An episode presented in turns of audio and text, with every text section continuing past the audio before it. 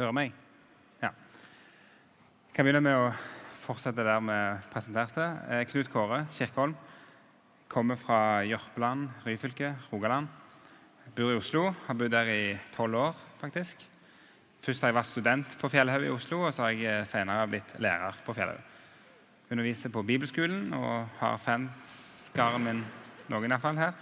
Eh, og eh, underviser på høgskolen. Jeg er ansatt på høgskolen på Fjellhaug. Eh, ja, underviser i hebraisk og Gammeltestament og sånne ting. Som er litt kryptisk for mange. At det går an å like, ikke minst. Men det, det, det gjør jeg, altså. Jeg må si til kona at Hvis jeg sitter og leser hebraisk på kveldstid, så er det for det gøy, ikke for det jobb. Det er ikke så lett å få henne til å forstå det. eh, ja, jeg er gift, to unger. Nummer tre på vei. Sånn er det. Og eh, nettopp det faktum at jeg er gift og har to unger, det gjør faktisk dette temaet enda litt vanskeligere. Eh, for det at eh, I kirkekunsten så fins det malerier av den typen der, som framstiller en eh, bestemt hendelse i Bibelen. Eh, Gud som ber Abraham om å ofre Isak. Eh, hvis dere ser på det bildet, så ser dere jo at engelen har akkurat lagt hånda si på Abrahams hånd og stopper kniven ifra å snitte slakta, som det står i teksten. Um, og uh, Vi ser likevel skrekken i øynene på Isak uh, på dette bildet. I tillegg så uh, kalles faktisk i kapittel 31 i første Mosebok Der omtaler Jakob, Isak sin sønn, Gud som 'min far Isaks redsel'. Man kan jo bare lure. Er det pga. det, eller er det på noe annet at det skjer? Sånne historier leser vi om i Bibelen. I 2004 eh, så var det en eh, ganske stor eh, sak eh, gående i pressen. Eh, det var biskop, daværende biskop Odd Bondevik på Sunnmøre som eh, ikke ønska at det glassmaleriet der skulle utsmykke Spjelkavik kirke. Og Det skyldtes jo nettopp motivet. Her ser vi kniven. Vi ser en bult som framstiller en veldig liten unge. Og vi ser også Guds hånd som er i ferd med å stoppe kniven. Men det at bildet er så grafisk, gjorde at det ble veldig vanskelig for selv biskopen å slippe dette gjennom. Etter lang tid, to år, så ble omsider bildet avdukt. Og biskopen eh, aksepterte det, men fremdeles med tunge kvaler knytta til at han syntes dette var en forferdelig vanskelig historie å forholde seg til. Og det er veldig forståelig. Eh, så det, det, er en del av det bildet som, som Bibelen viser oss eh, av Gud. Sånne hendelser. Og det som eh, enhver bibelleser fort føler, det å oppfatte det er at det, det er særlig i Det gamle testamentet at, eh, at vi finner mest av sånne historier. Eh, ofte Gamle testamentet som er mest plagsomt og problematisk for oss bibellesere. Eh,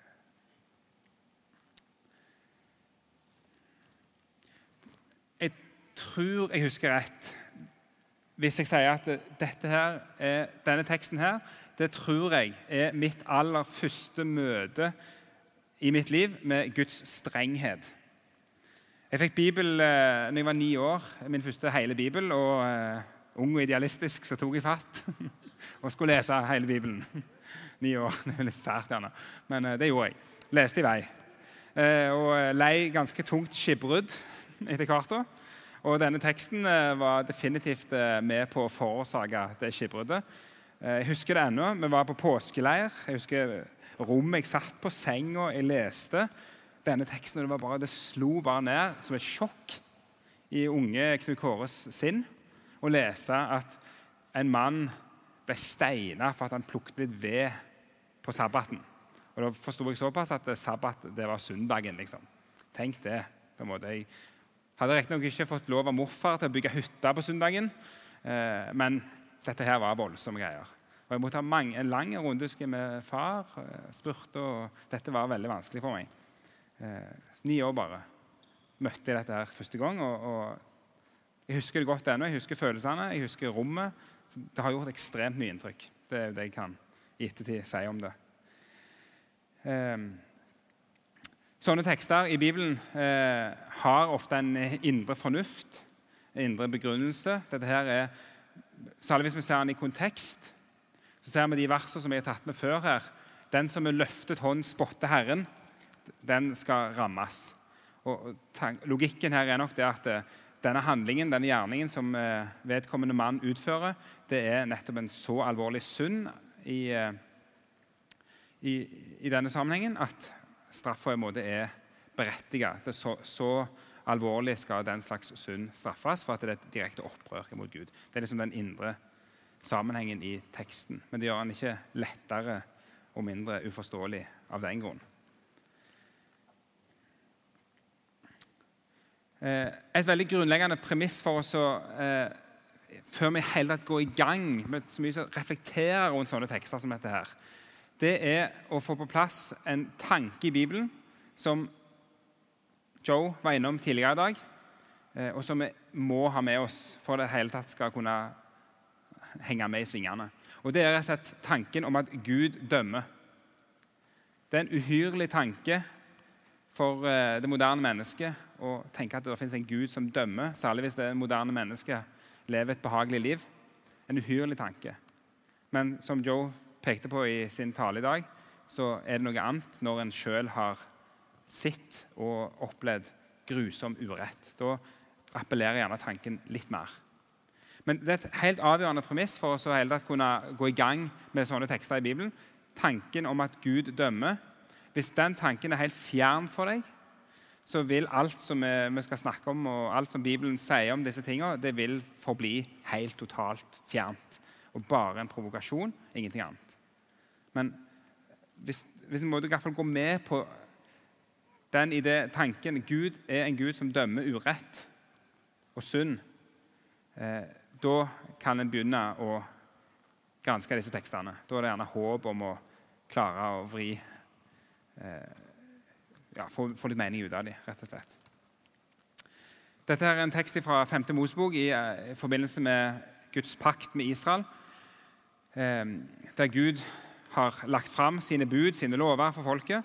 Og så legges det fram en liste med velsignelser hvis folket holder pakten, og forbannelser hvis de bryter pakten. Eh, og eh, Det er en alvorlig liste. Eh, både alvorlig bra når det gjelder velsignelser, og alvorlig ille når det gjelder forbannelser. Men så er det så at Herren gleder seg over å gjøre godt. Men Herren kan også komme i en situasjon der han gleder seg over å gjøre ondt med folket. Eh, oppgjøret er liksom til Guds behag da, å holde dom. Og dette rammer også Israelsfolket. En Gud som dømmer. Det må vi liksom ha i bakhodet hele tida. Hvis ikke så blir det helt sjanseløst å behandle disse tekstene. Så det er et premiss. Så jeg vil bare legge veldig sånn tungt inn over dere. Eh, som en sånn. Og, og det, det er også for meg, sant? Eh, sånn, Som apologet, som, som i samtale med, med andre folk, ikke-kristne, så dette er jo dette er jo hele premisset for å gå inn i disse tekstene på. på mange måter. Og hvor vanskelig er ikke det ikke sant? Eh, å få, få, folk bare med på den tanken? Men jeg tror er eh, veldig vanskelig å klare å forstå tekstene uten at det er med som en del av bildet. Disse tekstene de har vært eh, brysomme ikke bare for oss som lever i 2015 og føler oss veldig siviliserte. De har alltid vært brysomme til alle tider. Og la meg bare til med vise dere et indrebibelsk eksempel som kanskje er et vitnesbyrd om brysomme tekster. I 2. Samuel 24 så er det en merkverdig hendelse der eh, eh, David utfører en folketelling og Den folketellingen den strider mot Guds vilje, og det fører til dom at David gjør det. Og så er det to versjoner av den folketellingsteksten i Bibelen.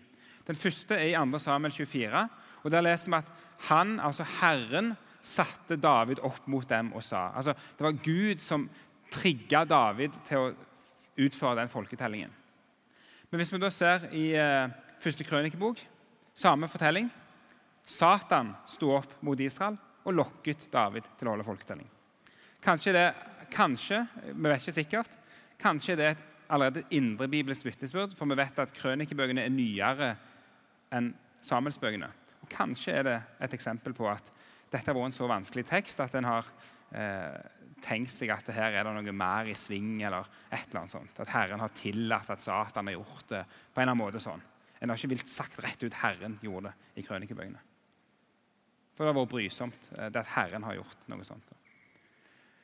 Eh, dette ordet som brukes på hebraisk, sott, det er et ord som eh, kan bety mye forskjellig. Det kan bety at du bare lurer noen, men det kan også liksom bety at du bedrar folk til å gjøre noe galt. Og Vi kan jo bare merke hvordan det er oversatt i Bibelen. Dette er Bibel 2011, den nyeste norske oversettelsen. Så ser vi at det samme hebraiske uttrykk er i den ene. Når det er Gud som er utfører handlingen, så står det 'satte opp'. Gud satte David opp mot dem.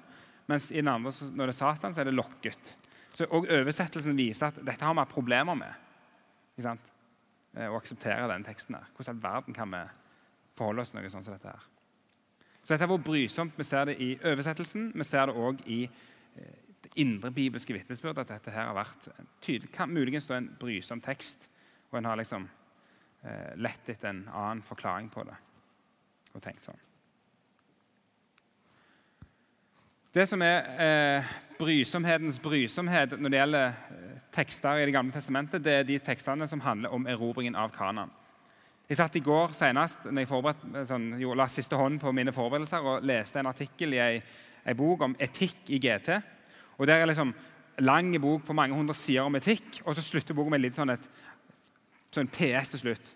What about the Canaanites? Og så har forfatteren bare kjent jeg må skrive et kapittel om de òg.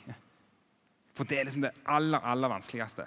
Det verste av alle eh, ting i Gamle testamentet for de aller fleste. Det store spørsmålet som står og henger der. Den rosa elefanten som alltid står i rommet, og som, som sitter der og med Hva i verden er dette her for noe? Hva er det med kanonerene? Hva er det som skjer i Jossas bok? Når Israel inntar landet, og vi leser om at de utsletter innbyggerne i Jeriko, Ai, Hazor. Dreper alle sammen. Alt som trekker pust. Kvinner, barn, voksne. Og i Jeriko til og med dyra. Hva er det som skjer? På Guds befaling. ikke Den, ingen tekster volder mer problemer. Ingen tekster luftes fram fortere enn disse tekstene her når det handler om Gud i GT. Og liksom, dette her med Gud som annerledes, sånn, oppleves annerledes i GT. Så det Jeg kommer til å gjøre, jeg kommer til å bruke mest tid på disse tekstene. her. For jeg tenker Det, det, er, lett, det er, alltid best å ta det verste når vi først skal behandle et vanskelig tema.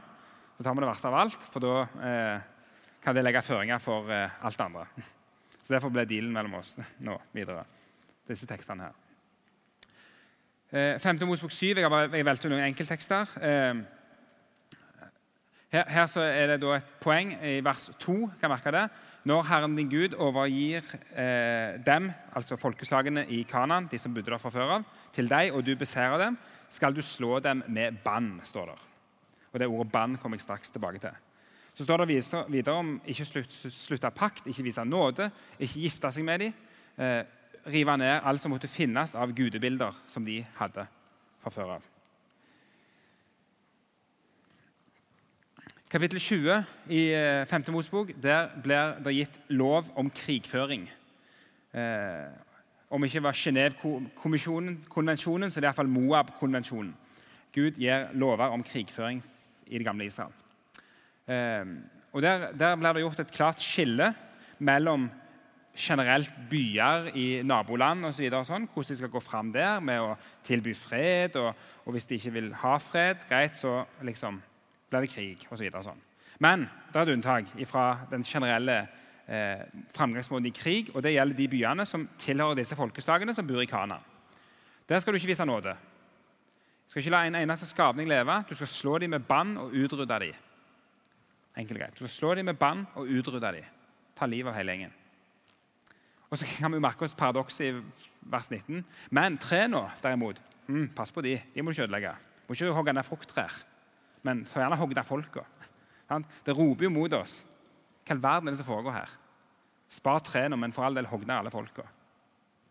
Det gjør vondt å lese sånne tekster. Hva, hva, er det Gud holder på med? Hva, hva er det han befaler nå? Hva er det som skjer i en sånn tekst? Og Så har vi da gjennomføringen, erobringen av Jeriko og de andre byene også, som beskrives i Josva 1-11. Um, Alt som var i byen, både menn og kvinner, unge og gamle, storfe, småfe og esler, slo de med bann og hogg ned med sverd. står det der. Hardt og brutalt. Slo med bann, hogg ned med sverd. Det var erobringen av Jeriko. Senere gjør de det samme med Ai. De gjør det samme i Hasor. Og det står òg at de, mange andre land og konger og folk i Kanan gjorde de mye av det samme med. Eh, I tillegg kan vi nevne at Gud også kritiserer dem i kapittel 9 i forbindelse med at de sparer et folk. De lar seg lure av et folk som heter gibionittene, sånn at de ikke slår de med bann og ikke utrydder de, og får kritikk av Gud for at de ikke har gjort det. I tillegg, Bare for å få med den sida av saken òg. Så Erobringen av Kanan det er liksom eh, de aller vanskeligste av alle disse tekstene. Eh, hva er det Gud befaler her?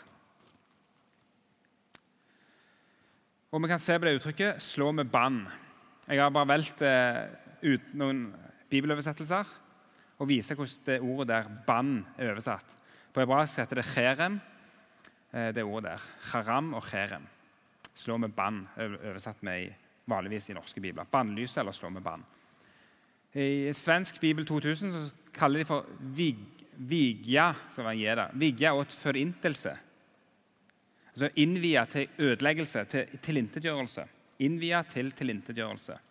Få fram liksom at det er en slags eh, seremoniell handling, nærmest et offer, til, som de innvier til Gud ved å ødelegge det. King James snakker om 'utterly destroy'. Uh, English Standard Version snakker om 'devote to complete destruction'. Uh, Netbible sier 'utterly annihilate'. Og The Message offer as a holy destruction. Får fram denne innvielsen. At det er liksom en, noe som er befalt av Gud, og nærmest er en slags, eh, eh slags offer. nærmest. Da. Den norske teologen Magnar Kartveit han har eh, beskrevet eh, veldig sånn grundig dette ordet 'bann', eh, hvordan det rent sånn ser ut, eh, hva betydningsnyanser det inneholder osv. Og, konkludere litt med at Josva 6 og 10 skildrer hvordan dette arter seg i praksis. Alt levende blir drept, og gjenstander av edelt metall blir lagde i Javes tempel. En kunne den gang innvie noe til en gud, slik at det var uråd å få det tilbake til det vanlige livet. Mennesker og dyr ble drepne, gjenstander ble plassert i tempelet. Så poenget er at Det å slå noe med band, det handler altså om at en på en eller annen måte innvier det til Gud, eller til gudene i nabofolkene. Og Den innvielsen skjedde ved at en enten plasserte det i tempelet, hvis det var edelt metall, og sånn, videre, sånn, gudestatuer eller andre ting, eller ved at en drepte mennesker og dyr. Det var liksom bannet sitt vesen. Så når, når, tekstene i 5. Eh, Mosebok og Josfa snakker om at eh, dere skal slå med bann, og de slo med bann, så er det denne her saken det siktes til. Det var en total utryddelse av eh, kanonerene. Så Det er det bildet som, som, eh, reiser seg ut fra disse tekstene, og som eh, vi liksom må, må kjempe med. da. Og Det skaper selvfølgelig sterke reaksjoner. Og vi kjenner på det sjøl, håper jeg egentlig. Jeg håper at dette tekstene vi reagerer på. for det har litt med at jeg tror det er en normal reaksjon. Ehm, det er lett å distansere seg til bibeltekster for at det er så lenge siden. Men hadde vi lest en lignende sak IS inntok i går eh, Damaskus og, sant? og så videre. Drepte kvinner og barn. Skar fosteret ut av mors liv. Eller, ja, altså, mest mulig brutale hvordan de utrydda alle. Vi hadde jo reagert. Verdenssamfunnet hadde jo reagert. Så det, det, ligger i vår ryggmarg at vi reagerer på disse tekstene og syns det er vanskelig å akseptere at uh, Gud kan befale noe sånt og la noe sånt skje. Så har vi noen berømte sitater. Richard Dawkins sin uh, lite smigrende beskrivelse av GTs Gud har gjerne mange lest. Arguably the most unpleasant character in all fiction. Jealous and proud of it. A petty, unjust, unforgiving control freak. A vindictive, bloodthirsty ethnic cleanser, a misogynist, homophobic, racist, infanticidal, genocidal, filicidal, pestilential, megalomaniac, sadomasochistic, capriciously malevolent bully. Det er tidenes uh, heftigste tirade om, om Bibelens Gud. lange ut sitt gudshat basert på eh, tekstene i GT. Jonas Gardell, i bok eh, fra 2000 vel, han skrev han, men kom ut litt senere på norsk. Som vi vet fra før, har flere av de gudsbilder Bibelen gir oss, demonisk opprinnelse. sier han. Demonisk opprinnelse. Det er hans følelse i møte med disse tekstene. En svensk psykolog, eh, nei, journalist, mener jeg, eh, som hadde lest psykologi. Guder er projeksjoner av menneskers indre, og de avspeiler alltid menneskelige erfaringer. Herren er et samlingsportrett av mange tyranniske stamfedre i patriarkatets eh, tilblivelsestid. Eh, I den tida hvor det var sånn at det handla om å kjempe ned all mulig sånn gudinnekulturer. Og Derfor har vi de ekstreme aggresjonene, terroren, stormannsgalskapen og den patologiske sjalusien. sier hun. Herren skulle kunne være læremester til Attila, Hitler, Stalin, Idi Amin, Saddam Hussein, Milosevic og gjengen. Han er en fullblods nazist med moderne språkbruk. Det var hennes følelser eh, mot Gud i møte med Bibelen og dens eh, beskrivelse av Gud. Og særlig Gammeltestamentet. Så, sånn ser det ut, altså. Det er det vi står overfor som kristne som tror på en bibel, vi tror på en Gud. Vi tror at Bibelen taler om den Gud. Og så har vi disse tekstene. Og så får vi disse her slengt mot oss. Hva gjør vi da? Det er jo det vanskelige spørsmålet. Forferdelig vanskelig spørsmål.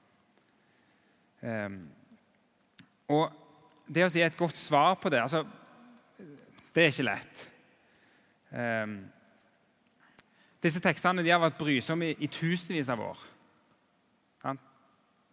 Og Hvis det der eksempelet viste fra Samuels bok og Krønikebok handler om at teksten har vært brysom, så har den vært brysom liksom fra før Kristi tid òg.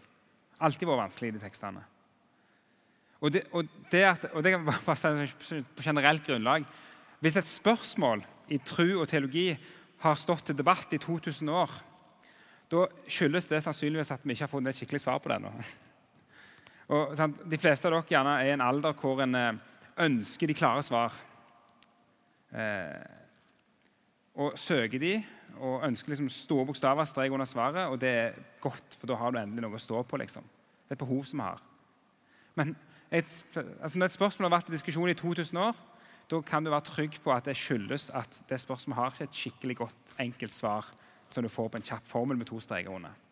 Dette er en kamp som Den kristne kirke har stått i hele tida.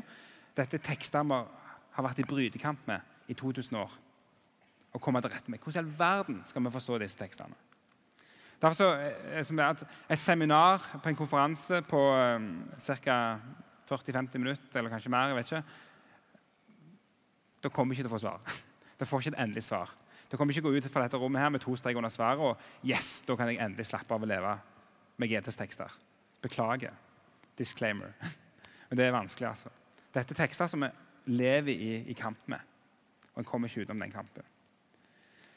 Eh, I et foredrag om, eh, av denne typen så, så går det an å jeg, jeg, jeg kunne nå lagt ut et rameverk, et løsningsforslag, som var på en måte mitt. Og prøvd liksom å tenke ok, jeg tror sånn og sånn og sånn. Og sånn. Og jeg skal i fortsettelsen gi noen hint om noen retninger som jeg tror er gode å gå langs. Men eh, jeg har stussa mye i, når jeg holdt på å tenke på forhånd hvordan dette skal gjøres. Eh, hva er best å gjøre? Er det best å bare komme med et, lansere et forslag og liksom sette det fram til debatt? Eller hva er best? Jeg synes det er veldig vanskelig, for dette er krevende tekster. Jeg har lest masse bøker eller framstillinger over krigen i GT. Et forsøk på å forstå og et forsøk på å forklare. Og Det er mye bra stoff i sånne bøker. Det fins svære bøker på mange hundre sider som behandler bare det temaet. Og mye bra i de bøkene. Men likevel så Du blir aldri tilfreds allikevel. Det kjenner iallfall jeg på. Jeg blir aldri tilfreds. Jeg føler aldri at å, dette var så bra at nå kan jeg slutte å bryte med tekstene. Det er alltid vanskelig. Uansett. Så det er sånn litt kjipt å si, gjerne. For kan ha håp på å få et skikkelig svar. Men jeg skal likevel peke ut så langt jeg kan.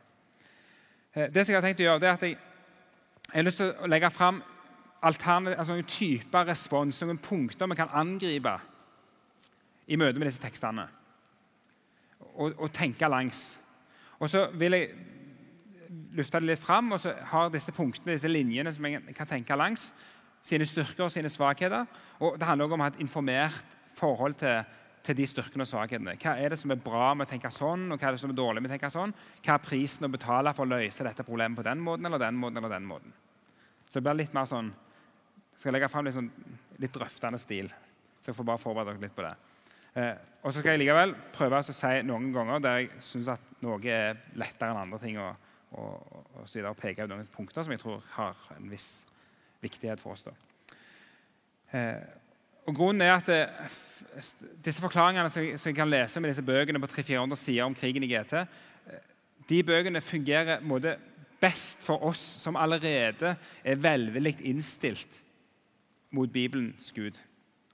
Hvis en, hvis en er en Dawkins og har, tenker at Gud er en så ubehagelig type, da vil sånne forklaringer bare provosere, tror jeg faktisk. Det er det som er så vanskelig med dette her. Alle sånne forsøk på å enten mjuke opp tekstene litt, forklare det litt sånn, det vil bare oppleves som en provokasjon veldig ofte. Det er det som er så vanskelig her. Eh, og Derfor var det glimrende at hun Joe hadde den talen hun hadde i dag. For den tar oss inn i, i Det er noen dypere ting her eh, som, som, gjerne må være på plass. For at en skikkelig skal kunne ta, gå inn i dem. Men likevel så handler det om å være fair mot sånne tekster og, og behandle dem på en fair måte. allikevel. Det er tre komponenter som jeg har lyst til å behandle i fortsettelsen. Eh, det første er det som handler om gudsbildet. Det faktum at vi tror at Gud er god, kjærlig og rettferdig. Og Det kan vi drøfte litt i forbindelse med disse tekstene. Gudsbildet i møte med disse tekstene. Det andre handler om Bibelen. Tror på at Bibelen vitner sant om Gud. Eller gjør han det? Den problemstillingen. Det tredje handler om vår moralforståelse.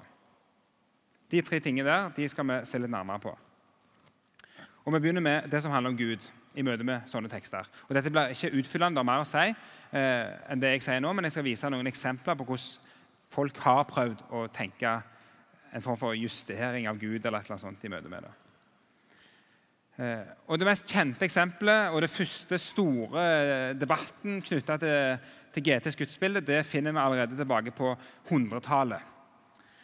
Hvis vi leser tekster fra den første kirka tid, eh, så vil vi innledningsvis de første årene finne tekster som bare liksom, de kan godt referere til, til Jossas bok og det som skjer i Jossas bok, men de drøfter det ikke kritisk. De bare, ok, det tar liksom bare for det det var. Men på 100-tallet er det en kar som heter Markion, eh, som får alvorlige problemer med gudsbildet som GT presenterer oss for. Eh, og Han ender opp med å skille GTs Gud fra NTs Gud. Og Han skiller en jødisk bibel fra en kristen bibel. Og så er det to forskjellige ting. GTs skaper Gud er ikke den samme som Jesu Kristi Faderen, liksom, som vi møter i Nytestamentet. Han, han, vil bare skille dem fra hverandre. GT skaper Gud, sier han, inspirert av en uh, åndsretning som var populær i hans tid. Det er en sånn ond uh, demiurg, en ond uh, skikkelse som har gjort noe så vemmelig som å lage materie. Uh, materie, æsj. Det var, det var, veldig ekkelt i, for mange på den tida der. Eh, for det var den greske filosofien og, ikke minst mysteriereligioner fra øst. Altså, æsj, materie, kropp, æsj. Eh, GTs Gud holder på med sånne ekle sånne ting som kropp og sånn materie. Mens NTs Gud, Jesu Kristi Far, det er sånn åndelig. ja, så, sånn, sånn, tenkte Markion. Og Så skilte han ut da, get, get, altså jødiske bibel, GT. Vekk med det, rens det ut. I tillegg så rensket han ut alt fra Det nye testamentet som, som, hadde noe som helst forbindelse til jødedommen. Så Han endte opp med et amputert Lukasevangelium og ti Paulusbrev. Det var hans bibel. Der fant han den guden som behagte han. Eh, og skilte altså ut GTs gud er ikke den samme som NTs gud. Eh, prisen er skyhøy. Markion ble jeg vil si, selvfølgelig eh, fordømt som kjetter og vranglærer. Eh, og det han gjør, er jo at han fullstendig avskjærer Jesus fra hans bakgrunn. Jesus var jøde. Jesus vokste opp med disse skriftene. Jesus trodde på de skriftene. Altså, det, han, helt, han bommer helt Markion på, på alle måter, egentlig. i eh, den, Denne her Markions lære den har, har liksom alltid levd der allikevel. Og, og, Vi vil ofte finne det i dag òg. Og du skal ikke inn på mange nettdebatter før du finner det. Det kan snakkes om GTs gud og NTs gud, denne forferdelige guden i GT osv. Denne følelsen som Markion hadde, den, den har folk i dag òg. En av er den samme Jonas Gardell, eh, som sier det rett ut. Jeg har sagt før at jeg ikke klarer å forene dem. Jeg får ikke forent den guden som drikker fløtemelk i skyggen av et tre, med den guden som opprøres over at krigene hans har skånet kvinner og barn. sier Jonas Gardell. Jeg klarer ikke å forene de to gudene. Det må være to forskjellige guder. Eller gudsbilder, hva som helst. Det går bare ikke, sier han. Og det er veldig forståelig at det er vanskelig. Så denne Markions løsning, at en bare skiller helt GTs gud er ikke det samme som NTs gud. Den har vært der, men den er, altså, den er et rungende nei til fra den kristne kirka gjennom hele historien. Den tenkningen der. En annen eh, litt mer moderne variant, ikke variant, en løsning eh, som vi kan finne eh, i moderne teologi, eh, det er noe som f.eks. en amerikansk teolog som heter Bryggemann, har eh, lufta fram. Eh, han, løfter, han, bygger opp en tenkning rundt en slags rettsmetafor. Han mener at Bibelen er et, en bok der det er mange stemmer som kommer med sine vitnesbyrd om Gud. Og De stemmene de, da er et grunnvitnesbyrd, og så er det en, et motvitne. Og så er de to vitnene i konflikt med hverandre. Og de prøver å overbevise hverandre om at eh, jeg har rett og den andre har feil. Det er som hans grunnlagstenkning for dette. her. Derfor snakker han om at uh, Bibelen, GTs, Teologien i Det gamle testamentet det er, liksom et, det er et grunnvitnesbyrd, et testimony, som er om en bestemt virkelighet. Og så er det et dispute, det er et motvitnesbyrd som ønsker å løfte fram en annen virkelighet, et annet perspektiv. Og så er det da en advocacy. altså Alle disse vitnene forsvarer sitt syn og prøver å overbevise den andre. Eh, så, så, han, han liksom, så Da ble hele poenget hans at eh, de mørke sidene ved Gud i GT og i Bibelen, og de lyse sidene ved Gud det er ulike vitnesbyrd om Gud. Og De står i et konfliktfullt forhold til hverandre. og Det er en dialog, en spenning mellom dem. Eh, og for han så er liksom idealet egentlig bare å forbli den spenningen. Eh, på mange måter uten å komme med skikkelig Men, men f.eks. en av bøkene hans bærer tittelen 'An Unsettling God'. Altså en Gud som Det er noe fint med det, en Gud som ikke kan få i en boks, på en måte, men, men samtidig det er en Gud som ikke er stabil, da, enn han egentlig opp med. En Gud som er litt sånn eh, Han er ikke helt til å stole på. En, en Gud som er litt sånn Han kan plutselig opptre irrasjonelt, på en måte. En sånn type gudsbilde kan han fort ende opp med. da. Eh, og, og kan jeg snakke om Guds abusive violence. Altså, jeg kan bruke sånne begrep som det. Og Det, det står jo sterk likevel, det, det kommer i stor spenning til en tanke om at 'jeg, Herren, har ikke forandret meg', Malaki 3,5. Eller Jesus Kristus i går og i dag den samme. ja til evig tid. Altså, her blir det en voldsom konflikt i Guds bilder allikevel. Så selv en løsning som kanskje kan appellere litt altså, Det er noe i dette altså, å, å, tenke dette her at eh, GT taler om Guds hellighet og Guds farlighet, og taler om Guds mildhet og Guds godhet. Ulike sider ved Gud som løftes fram i tekstene. Han har et godt poeng, han ser noe viktig. Men han ligger veldig nær den konklusjonen at det, da har vi bare en Gud som er i fri flyt. En Gud som eh, vi ikke helt kan stole på. Vi vet aldri helt hvordan Gud opptrer. En Gud som er egentlig litt sånn ja, litt irrasjonell. Og. Og Det kan bli litt krevende å leve med en sånn Gud òg. En Gud som du ikke er trygg på at vil deg vel. For kan være Gud bare vil deg ondt plutselig en dag. Og du vet ikke hvorfor alltid. Litt sånn kan han snakke om Gud. Eh, og da gjør han noe med gudsbildet, han òg. Altså, han setter ikke et skille mellom GTs Gud og NTs Gud, men han, liksom, han, gjør Gud mye mer ustabil for oss med sin tenkning. Men det er hans forsøk på å prøve å løse disse tekstene. De er vitnesbyrd, ulike mennesker, ulike bilder av Gud, og de skaper en Gud som er litt sånn i ukontrollerbar Eller ikke ukontrollerbar, men iallfall litt irrasjonell. Og Han har noen viktige poenger, også samtidig Det er ikke helt sånn Bibelen framstiller Gud heller. Så, så, Første punkt det handler om synet på Gud, noen justering av Gud. Um, og samtidig få fram at det er et poeng her. GT har faktisk begge sider med. NT har også begge sider med. Kan snakke om Guds hellighet, Guds farlighet, men òg om Guds eh, mildhet, godhet osv. Og, og kjærlighet, som vi må forholde oss til. Det neste jeg vil løfte fram, det handler om eh, moralbegrepet. Hva er moralsk, egentlig? Og Den første som virkelig tar fatt på det, det er Augustin. Eh, og han, Jeg har et sitat fra han, eh, der han eh, drøfter litt dette her. Ingen bør mene at det var ondt at Josfa ikke etterlot seg en eneste overlevende i byene som ble overgitt til ham. For dette var hva Gud hadde befalt. Men de som mener at Gud selv er ond, og som derfor ikke ønsker å tro at den sanne Gud er GTs forfatter, tar like feil om Guds gjerninger som de tar feil om menneskers synder. De er uvitende om den straffen enhver person fortjener å lide, og derfor synes de det er en stor ondskap hvis det som uansett skal gå til grunne, blir ødelagt, eller hvis en dødelig dør. Eh, det som er Hans grunntanke, er at det, eh, det, det handler om Josva handler på Guds befaling. Og så ta tar det oss inn i en filosofisk problemstilling som handler om moral. Så, så lyder den problemstillingen som følger. Er noe godt, er noe moralsk godt eh, befalt av Gud fordi det er godt, eller blir det godt ved at Gud har befalt det? Tror du den?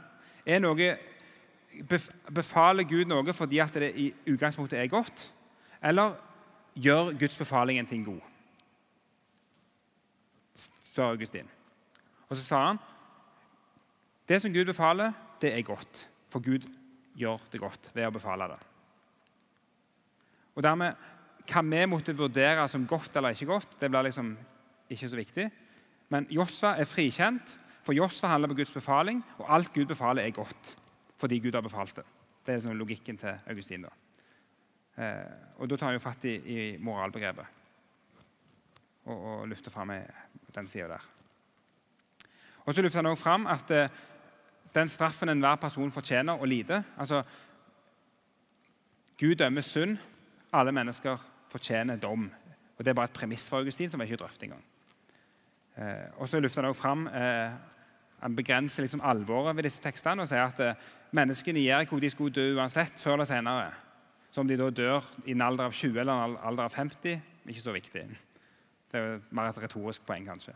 Men grunnpoenget er liksom at eh, Josfa er frikjent fordi Gud befaler det. Og når Gud befaler noe, da er det automatisk godt fordi Gud befaler det. Og så lar han det være med å justere moralbegrepet til hans lesere Vi må tenke annerledes om moral. Vi må ikke la liksom, vår ryggmargsrefleks være det som bestemmer moralen, men det er Gud som bestemmer moralen, sier Augustin. Og har et viktig poeng, selvfølgelig. For det trua på en hellig Gud må jo handle om at han definerer hva som er godt. Og så men det tar likevel ikke vekk at disse tekstene er veldig vonde for det. Og det løser ikke Augustin så veldig heller. For GTs tekster har helt klart en sånn tenkning i seg. Og Det som vi merker oss, det er veldig viktig når vi skal møte disse tekstene, at det, det er en tenkning det er, ikke, det er Uansett hvordan vi snur og vender på det, så framstilles eh, dette som dom i GT. Det som skjer med kanonerene. Første Mosbok 15 er første plassen. Det tales om en syndeskyld som ikke har nådd sitt mål ennå. Gud som sier til Abraham. Med andre ord en tenkning om at det finnes et beger, og det beger fylles opp med skyld, så kommer det et punkt der det er fullt, og da kommer Guds dom. Det er tanken der. 5. Eh, Mosebok 9. Gud omtales som en fortærende ild. Et typisk bilde på Guds vrede mot ondskap. Eh, og så lufter Gud fram at disse kanonerene de drives ut av landet fordi de har gjort urett. Enkelt og greit. Det er deres synd som er grunnen. Så det er, en, det er helt klart en domsside ved disse tekstene. og Det gjør at Augustin har et veldig godt poeng når han sier det han sier. Det er eh, Guds dom som skjer i tekstene. En annen side som er kanskje litt eh, vanskeligere, det er det som står i eh, kapittel 7. Der òg dette her eh, Utrydningen av kanonerene har òg et slags eh, eh, beskyttende element. De må utryddes, for de er en trussel mot Israels renhet. De kan lure Israel til å tilbe andre guder. Renske ut noe som er en trussel for det indre livet. Det, den er verre, kanskje. Eller ikke kanskje, den er verre å liksom helt kjøpe. Det er, en ting er Hvis vi snakker om menighetstukt, der en person liksom gjerne stenges ute fra det kristne fellesskapet pga. synd, men her er det bann som er stikkordet. Ikke bare stenge ute. Så en, en, drøftelse av vår moralforståelse, en justering av vår moralforståelse. og Det, det, mener jeg, det, vil jeg det er på sin plass her. og det var det jeg sa innledningsvis også. En Gud som holder dom. At det er noe som heter synd. Her er det noe som vi må liksom, ha tak på i møte med sånne tekster. Og Det er det tekstene sjøl så til de grader løfter fram. Dette er dom over kanonerene. Så Det, det synes jeg er veldig viktig at vi har med oss i møte med sånne tekster. Domstekster. Og så er det fremdeles, som jeg sier, det er fremdeles veldig vondt allikevel at det er, det er så blodig, det er så brutalt.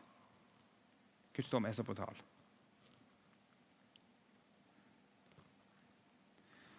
En annen side som eh, gjerne er kanskje oftere framme, det handler om Bibelen. Spørsmål, ulike spørsmålsstillinger knyttet til Bibel og bibeltolkning, som jeg også vil si litt om. Eh, det første er det så enkelt at Bibelen er ganske enkelt feil. Hele framstillingen er feil. Det er logisk på jordet. Det må være det må noe feil i disse bøkene. Vi må sensurere vekk disse tekstene. Eh, mer eller mindre da. Her har vi en eh, amerikansk eh, som prøver å argumentere etisk. Så at Gud er det mest fullkomne vesen som finnes. Jave er Gud. Jave befalte folk å utføre folkemord. Som premisser. Folkemord er alltid sier han, en moralsk uhyrlighet. Og dermed, logisk, et fullkomment vesen vil selvfølgelig ikke befale noen å begå en moralsk uhyrlighet. sier han. Og Derfor så vil ikke et eh, fullkomment vesen befale et folkemord. Ergo Gud kan ikke gjøre det. Det må være feil i oss. Det går ikke opp, det der er logisk. Et fullkomment godt vesen kan ikke befale et folkemord, sier han her. Rouser, da. Um, og Dermed oppstår det et, et, en motsetning mellom punkt 3 og 7 her. Altså, For han da, altså, Eller det gjør jo det. Hvis Herren befalte et folkemord, og et fullkomment vesen, og Herren ikke kan det, for han er fullkommen god, så blir jo det en krasj, sier han. Um, og så sier han at Hvis vi lar punkt 3 falle, og sier at Herren ikke befalte et folkemord, da må vi jo si at Bibelen er feil, sier han. Det må vi jo da. hvis vi sier det. Da, da må disse befalingene de, må, de, de, de er bare feil. Det sier han da. Alternativt eh, Hvis vi liksom ikke aksepterer punkt 7 så sier han, hvis vi, hvis vi tenker at gitt denne logiske rekka og fremdeles holder fast ved at Gud befalte dette, da er Gud a moral monster. sier Han så han, han bruker liksom, sånn logikk og litt etikk for å prøve å få fram et poeng her. at uh, Vi har en motsetning her. og for han så blir det, Da må vi bare si at her tar Bibelen helt feil. Det er galt, det som står i Åsas bok. Det er Kanskje myter, kanskje et eller annet. Vi kan iallfall ikke akseptere det. Det er hans måte å si. Liksom, disse tekstene de må bare se vekk ifra. Det blir poenget hans til slutt. da. Det er litt lang, komplisert tankerekke. En annen teolog som heter Peter Enns, eh, som en eh, kjent blogger i USA, eh, han har argumentert litt annerledes. Han Argumenterer litt mer i lys av arkeologi og, og sånne ting. Eh, og så sier han at eh, Arkeologien i Israel viser at eh, Jossas-boka sin framstilling av erobringen av Kanan den er vanskelig å forene med de funnene som er gjort.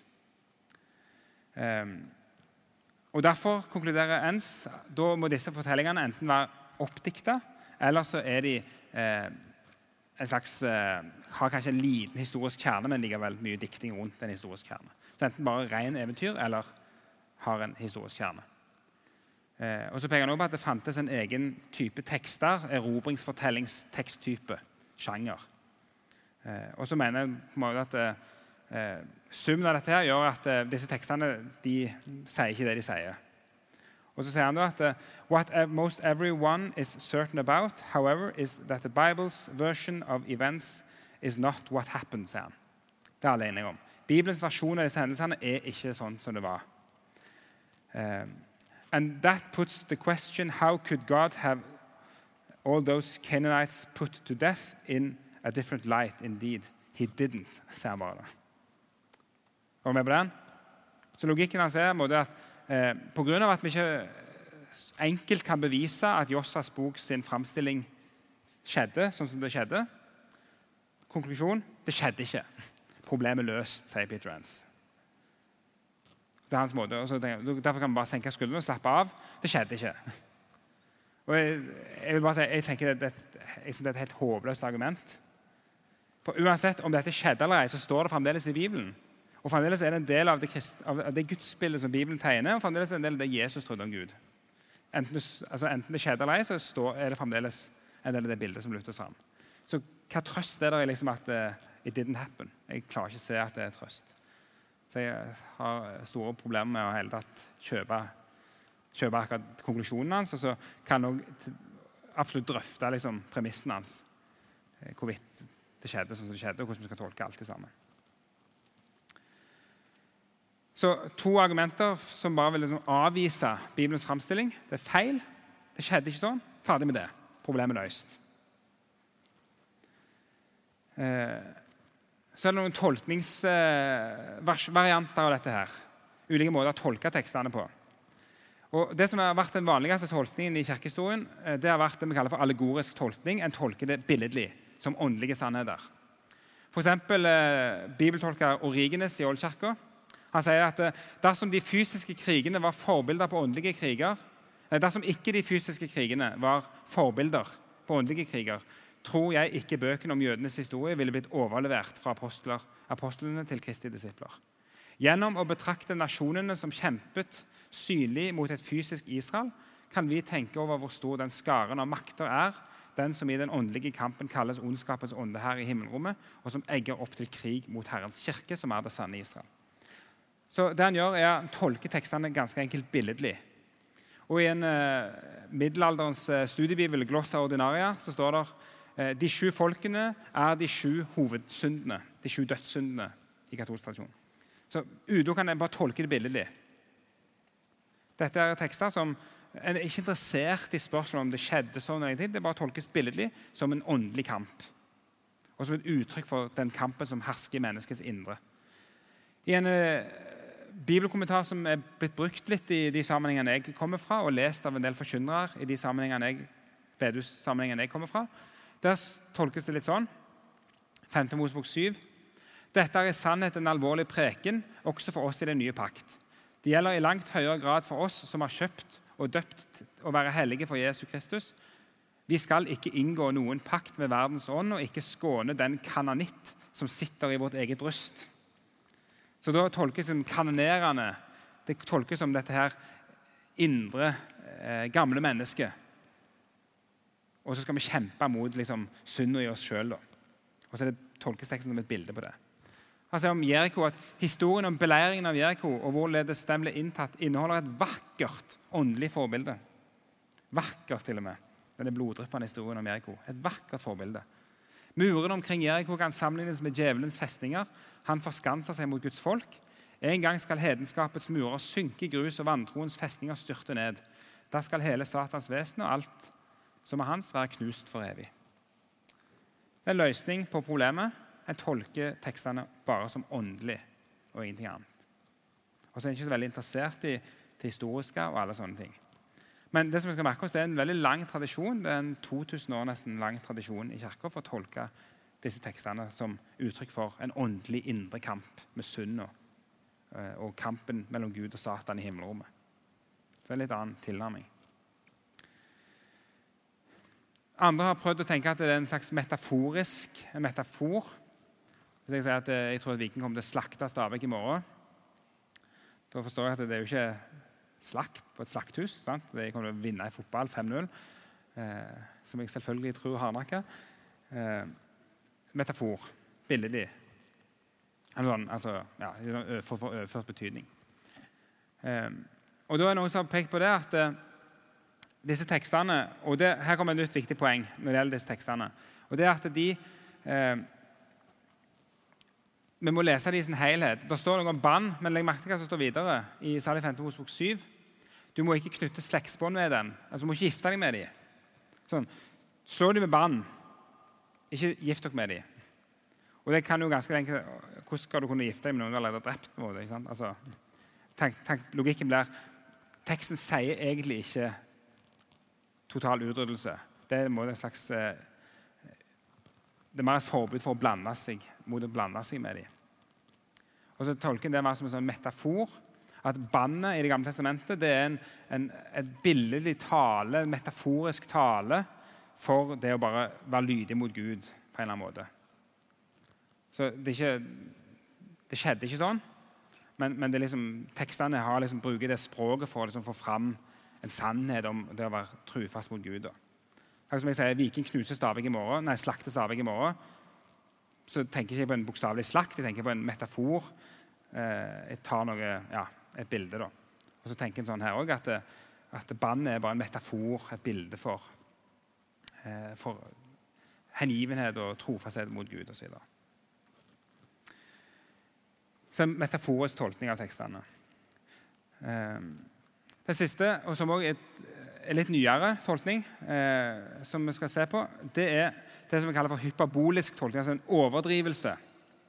Og det er noe som en har i nyere tid, De siste 150 åra er det gjort veldig mange store funn i det gamle Midtøsten. Med mye tekster, mye skrifter fra gammel tid. Og Det som kommer fram i de tekstene, det er at det, det ser ut som at det, sånne erobringstekster, der noen forteller om hvordan de har erobret et annet folkeslag, de har en egen stil. Og Den stilen er preget av overdrivelse. De smører tjukt på. God gammeldags propaganda. Smører tjukt på. Eh, og Poenget er liksom at dette var, sånn skrev du sånne tekster. Enkelt og greit. Eh, og, og, dermed altså, sant? Vi har alle hatt norsk på skolen. Vi har hatt om noveller. som lært at Noveller skal inneholde de og de og de tingene. Så er det ikke noveller, Da får du trekk for at du har brukt feil sjangerkjennetegn. Alle skal få trekk pga. det. Hvor ble vendepunktet ditt av? Altså, Sjangertrekk. Og så tenker jeg, Disse tekstene, erobringstekster de hadde en egen sjanger. Og, og, Det var logisk å skrive det på den måten som alle andre skrev de på. Og så tenker jeg at, eh, og Det som var typisk for den stilen, det var at de overdrev. Så Når du da så at eh, alle ble utrydda, så betyr ikke det alle. Det betyr bare at de krigte og vant og utrydda noen. liksom. Fordi det var sånn du skulle skrive, du skulle smøre tjukt på. Og det, en, og det er, faktisk en, en, ting som jeg vil egentlig lufte litt fram, for det tror jeg har noe for seg. Eh, at Det er trekk vi finner i alle tekster fra det gamle Midtøsten som handler om dette. her. Og det er, nok så, det er ikke usannsynlig at de bibelske forfatterne har skrevet litt i samme stilen, samme sjargongen. Eh, rett og slett. Så det, det vi sitter med, er et, noen vanskelige tekster. Vi kan angripe det fra ulike vinkler. Eh, vi kan stille spørsmål ved Gud, Guds bilder. Vi kan eh, stille spørsmål ved Bibelen og dens troverdighet, og hvordan vi skal tolke Bibelen. Og vi kan stille spørsmål med våre egne moralbegreper og hvordan liksom vi, vi tenker om dette.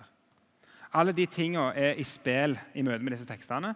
Og vi er vi må nesten ta noen valg av og til. Vi må, vi må lese om dette her og prøve liksom å ta inn over oss hva er prisen å betale for å velge den ene og den andre strategien eh, for å forstå dette her. Og så på den bakgrunn eh, være informert om dette hele her. Så Derfor så gir jeg ikke noe sånn skikkelig godt svar. egentlig da.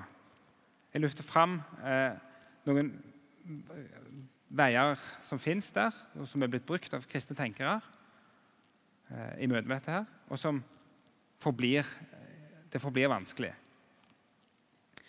Men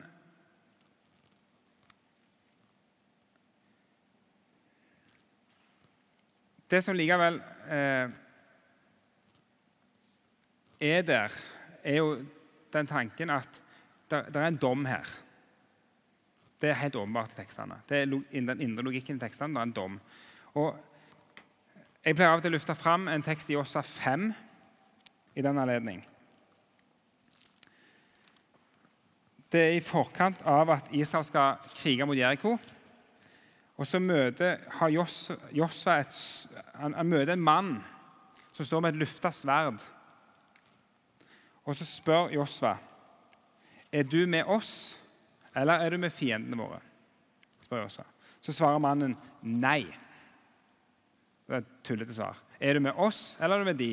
Nei. Så sier han videre.: Jeg er føreren for Herrens hær. Nå er jeg kommet. Eh, og poenget er at Her møter han Gud. For Gud han sier videre Da falt Josfa ned med ansiktet mot jorden og sa, Hva har min herre å si til sin tjener?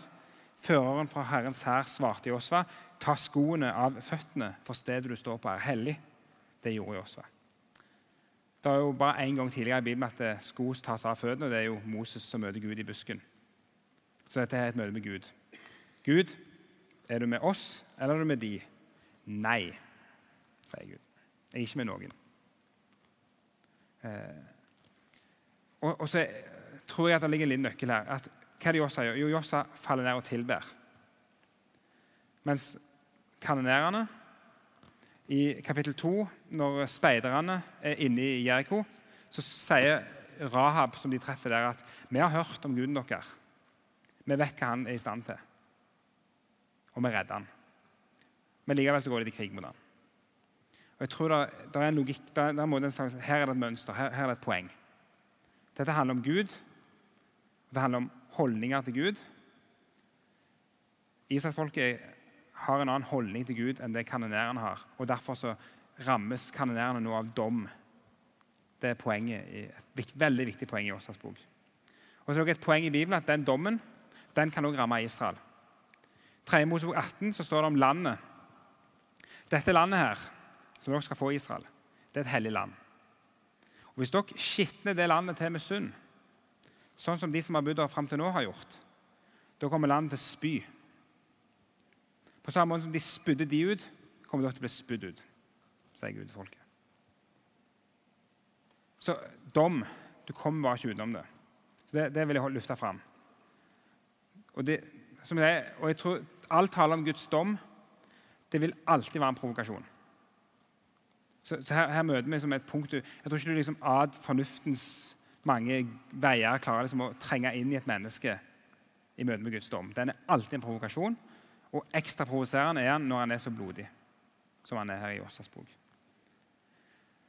Og så vil jeg også lufte fram eh, det her som har med tekstene å gjøre. at eh, Vi må se tekstene, vi må være ærlige mot tekstene òg. Det, altså, det er gode grunner til å si at eh, dette her er en unntakshendelse. Det er ikke normaltilstand, i alle fall. At, at Israel ikke er befalt å føre krig, er alltid sånn. Det er en unntakshendelse. Og det er også sånn at det er på ingen som helst måte noen føringer for jihad for kristne i disse tekstene. Og Det er jo veldig viktig i dagens situasjon. Det er totalt annerledes i Nytestamentet, akkurat det. Så dette og, må, på, kan på en måte forstås litt som en sånn type forbilde på dommen.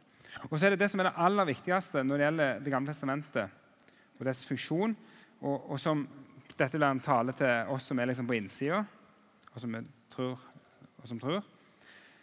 Det er noe som står i Jossas bok i forbindelse med disse krigene.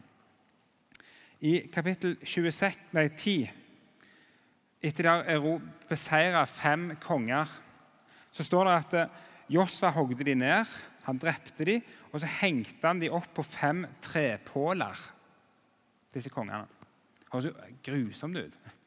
Og det er det jo. Det er grusomt. Han hengte opp på fem trepåler. Det som er et poeng i Det gamle testamentet, det er at eh, 5. Mosbok 21 Der står det at den som henger på et tre, er forbannet av Gud. Så det at Når Jossa henger de opp på trepåler, så er poenget at disse her er under Guds forbannelse. Det er samme dommen. Det er Guds dom, og det blir synliggjort for alle at disse kongene henges opp på noen trepåler og tankene, Disse her er under dom. Eh, og så er jo Nytestamentets budskap i Galaterne 3 at Kristus ble hengt på tre for oss. ikke sant? Så Derfor så er det, også et, en side her ved det helbibelske budskapet at i møte med Guds dom I møte med Guds forbannelse så er det altså en vei ut. Det er Jesus som ble hengt på en tre. Han ble en forbannelse for oss, står det. Eh, så Det er jo en side ved det bibelske budskapet som vi må ha, med.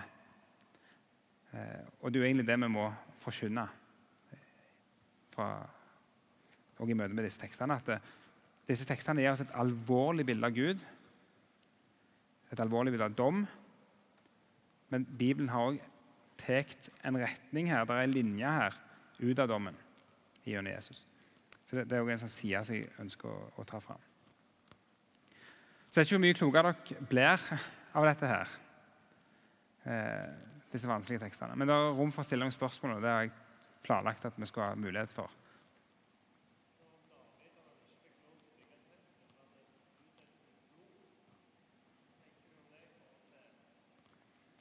Til det samme? Mm. Om det tenker jeg vel at, at ja, Jeg kan gjenta spørsmålet. David får ikke lov å bygge tempelet for at han har utøst mye blod. Han har blod, ja. Det, så, for at det, det har gjort ham mot urein. eller ikke, ja, Gud vil ikke at han skal Ja, han også. Mm. Mm, stemmer det. Så, så David har, eh, har, gjort eh, etter Guds vilje. på en måte. Han er mann etter Guds hjerte. Og han ble fremdeles nekta å bygge tempelet. Jeg tror det handler, det handler først og fremst om, om hellighet og tempelets hellighet, og at han ikke vil ja, at krig og tempel skal forenes. Men det, det, det er jo en side ved Gud. altså Joe løfta fram det i dag. altså Den første teksten i Bibelen som handler om blod og drap, det er jo der møter vi Guds fortvilelse. Blod som roper. Så urett, drap, blod er altså Bibelen er ikke bare sånn Det, er sånn ambivalens her.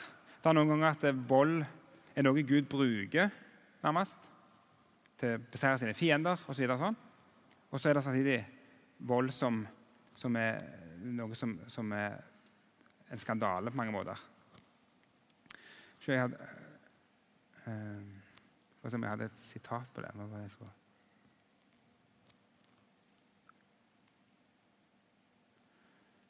Ja, den har det. Ja. Ja, eh, Det er en, en tenkers, en teolog skjedemann som heter Chris Wright, som har sagt det om, om, eh, om vold. Da.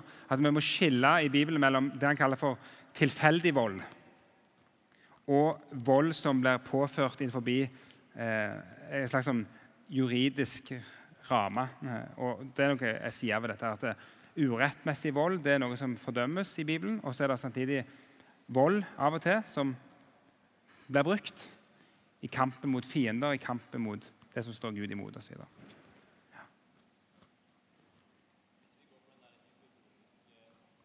Mm.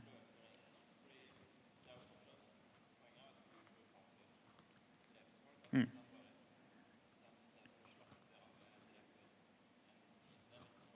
Mm. Enig.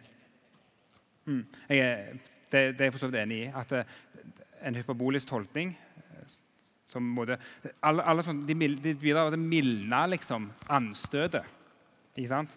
Eh, og, og, og, og, det løser ikke problemet i hele tatt. Og det, det, jeg, det må vi være ærlige om. Eh, at, at, en mildning ikke en løs, ikke liksom, Det løser ikke det konfliktfylte i det. Men, men det, det, det, de iallfall løser, er liksom, la oss si, ærligheten mot tekstene. da. At vi, er, vi, vi, liksom er, vi gir tekstene anledning til å tale på sine premisser. Så at det, for vår, vi, får en veldig sterk ryggmargsrefleks. Eh, og den trenger gjerne å være litt mer, litt mer sånn gjennomtenkt. Men jeg tror det løser ikke problemet. Det står fremdeles Om det er én eller tusen, så er det fremdeles befalt. Og det er fremdeles vondt å lese det. Så det er jeg enig med deg i. Det, det gjør det ikke. Ja. Mm. Mm. Mm. Mm. Ja, eh, for det, det kan jeg godt løfte fram at det, Ja, igjen. Nytestamentet har også tekster som er voldelige. Vi har Ananias og Safira i Apostelgjerningen 5 som de blir bare drept. De dør bare, faller dø om for at de har løyet for Den hellige ånd. Og du har Korinterbrevet, der det står om, om, de som misbruker nattværen, og at de blir syke. Altså, det er liksom det er en sånn straff innebygd i det. da. Og så kan vi jo ta fram Åpenbaringsboka, som er jo en eneste ufattelig mye vold. Han som rytteren på den hvite hesten med kappen dyppa i blod, med et sverd som han skal slå ned folkeslagene med, og kaste i ildsjøen. Det er jo helt klart voldelige bilder. Så eh, der har vi akkurat det, har det samme. Altså, det, bare, det, er jo et poeng det også, at det, hvis en leser Nytestamentet nøye, så er faktisk Nytestamentet også ganske voldelig. Så problemet, så det der å si GT-skudd og NT-skudd det blir et, det er jo en ting som eh, kanskje blir en kunstig eh, til syvende og sist. Da. Du må luke vekk veldig mye av NT for å få den der bare gode, snille bestefaren. Eh, og, men òg i NT da, så er det liksom det samme logikken hele tida. Det er liksom straff for synd, oppgjør med ondskapen allikevel i det. Fremdeles er det forferdelig vanskelig å inn over seg. Eh, men den indre logikken i tekstene er likevel det samme. Og så blir liksom problemstillingen egentlig litt lik da. Jeg tror ikke jeg har så mye mer sånn, gode løsninger på det. egentlig.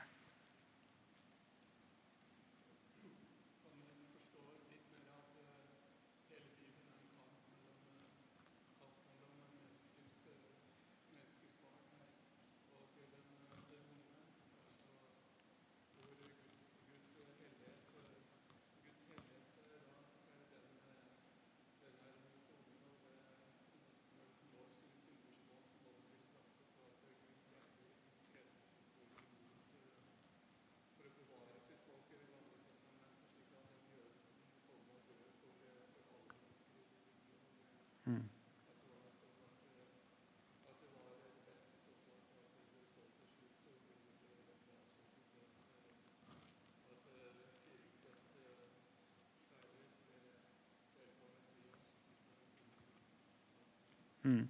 Ja, for det, det, tror jeg det er hele den indre bibelske logikken i det. At eh, hele verdenshistorien er en arena hvor Gud kjemper liksom, for Eller Gud beseirer synden og dødens krefter og, og gjenoppretter paradis.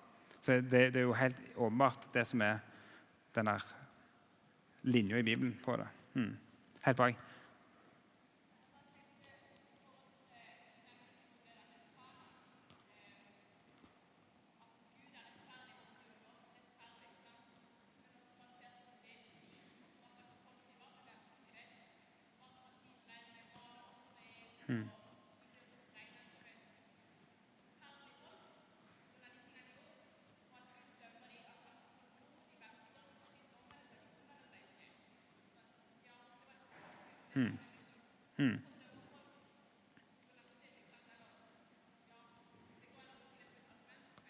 Ja, men det, det mm.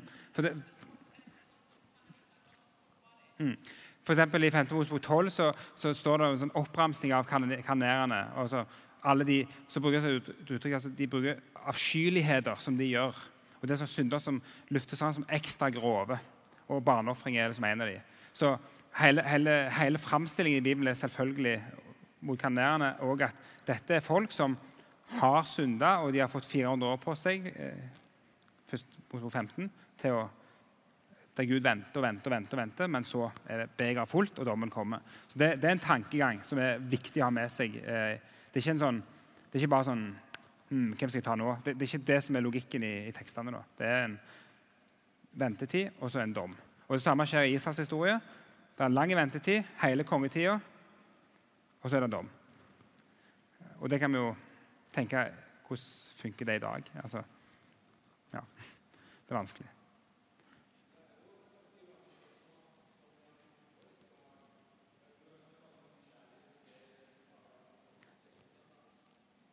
Ja, jeg hører veldig lite nå.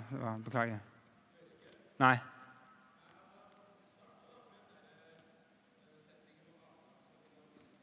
Mm.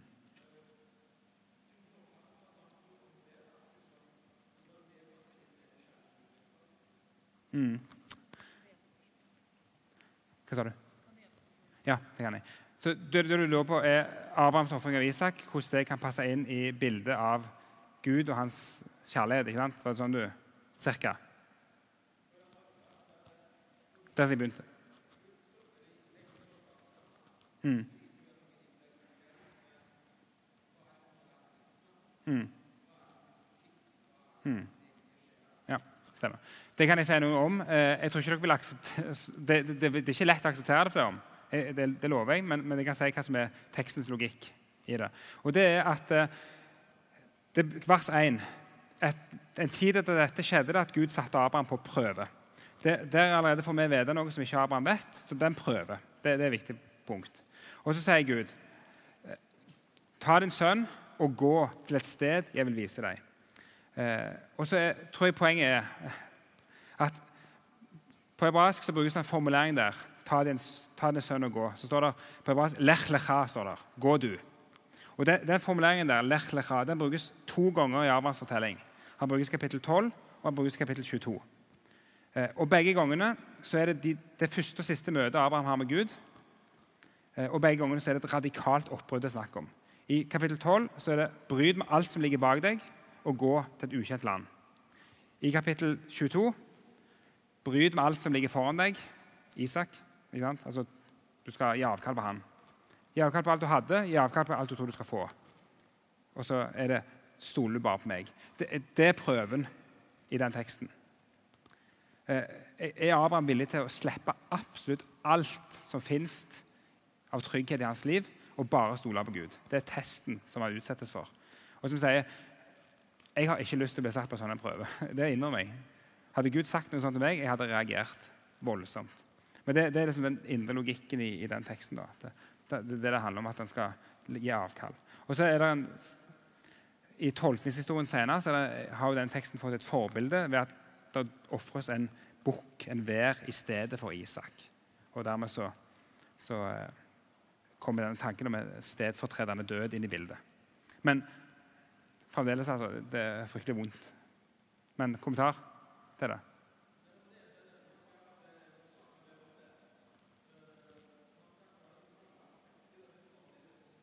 Mm. Mm. Mm. Mm.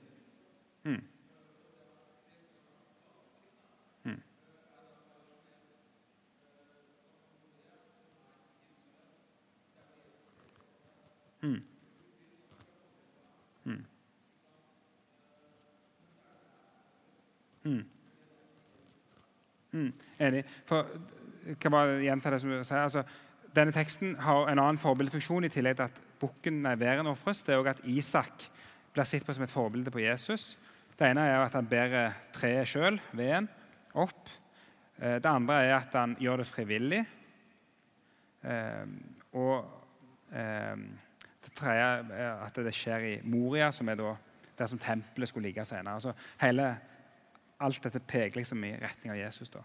Så Den har alltid blitt forstått på den måten. Men det tar jo liksom, tar fremdeles ikke vekk det vanskelige med den.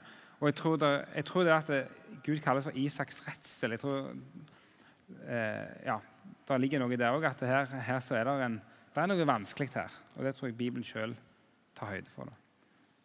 Er det sånn da at, uh, at vi kan forvente at Gud kommer til å dømme i vår tid? Mm. At han aktivt går inn og dømmer? Vi har debatten Mm.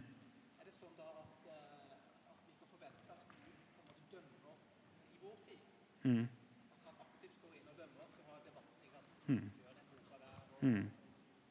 du rundt det? Ja, stemmer. Eh, spørsmålet altså, eh, Gud, Vi har sett at Gud dømmer i GT. Jeg har lufta fram i forbindelse med spørsmålet at vi ser det samme i NT, at det holdes dom. Og så er spørsmålet videre da, hva, hva med vår tid? Og så har det vært en debatt i den kristne pressen de siste ukene om ei bok om Utøya, som av noen da ble tolka som dette er Guds dom over Norge. Eh, og om det så er det Jeg syns det er vanskelig. Jeg vil si, for det første vil jeg si Amos 4, ombæringsboka, to plasser hvor vonde ting som rammer et land, blir forstått forbi et rammeverk av at Gud faktisk holder dom, skråstrek, roper på at dette folket må omvende seg. Det er, som, det er en ting som Bibelen liksom peker på. Og i åpenbaringen så knyttes det, òg an til endens tid. At i endens tid Gud skal sende sånne og sånne smertefulle, vonde ting. med det formålet å få mennesker til å omvende seg. Så jeg, jeg, vil, jeg vil bekrefte at jeg tror at det kan skje.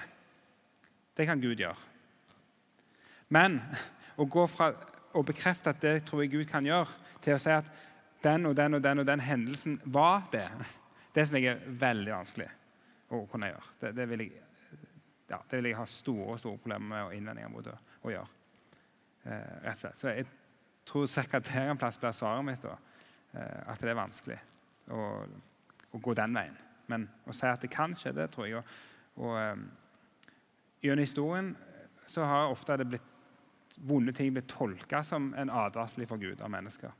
C.S. Lewis er jo kjent for sitt sitat om eh, at Gud whispers in our pleasure, speaks in our consciousness, and shouts in our pains.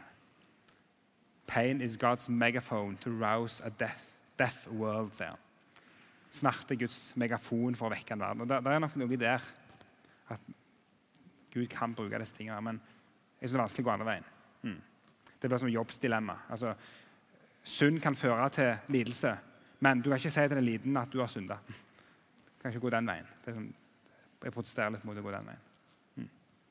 Er det andre kommentarer og spørsmål? Ja.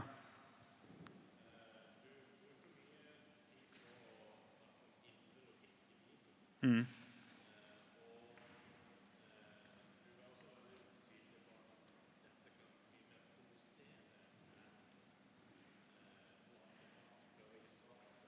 Mm.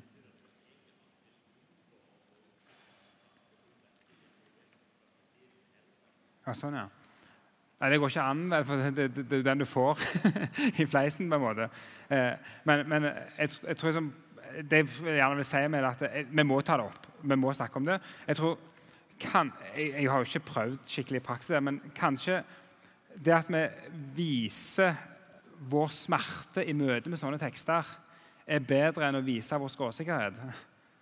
Heller da. Kanskje Vi kan tenke sånn at eh, vi kan godt for vår egen del som bibellesere som prøver å se dette bildet og, og, og, lese litt med teksten og prøve å forstå hva det teksten egentlig lufter fram. Og da er det dom. Han lufter fram dom.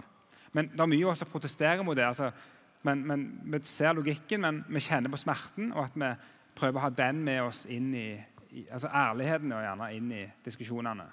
Det tror jeg kanskje ikke bare tror, Jeg er overbevist om at det er en uh, god vei å gå. da, At vi ikke legger skjul på at vi syns dette er vanskelig. Det, det tror jeg absolutt. Mm.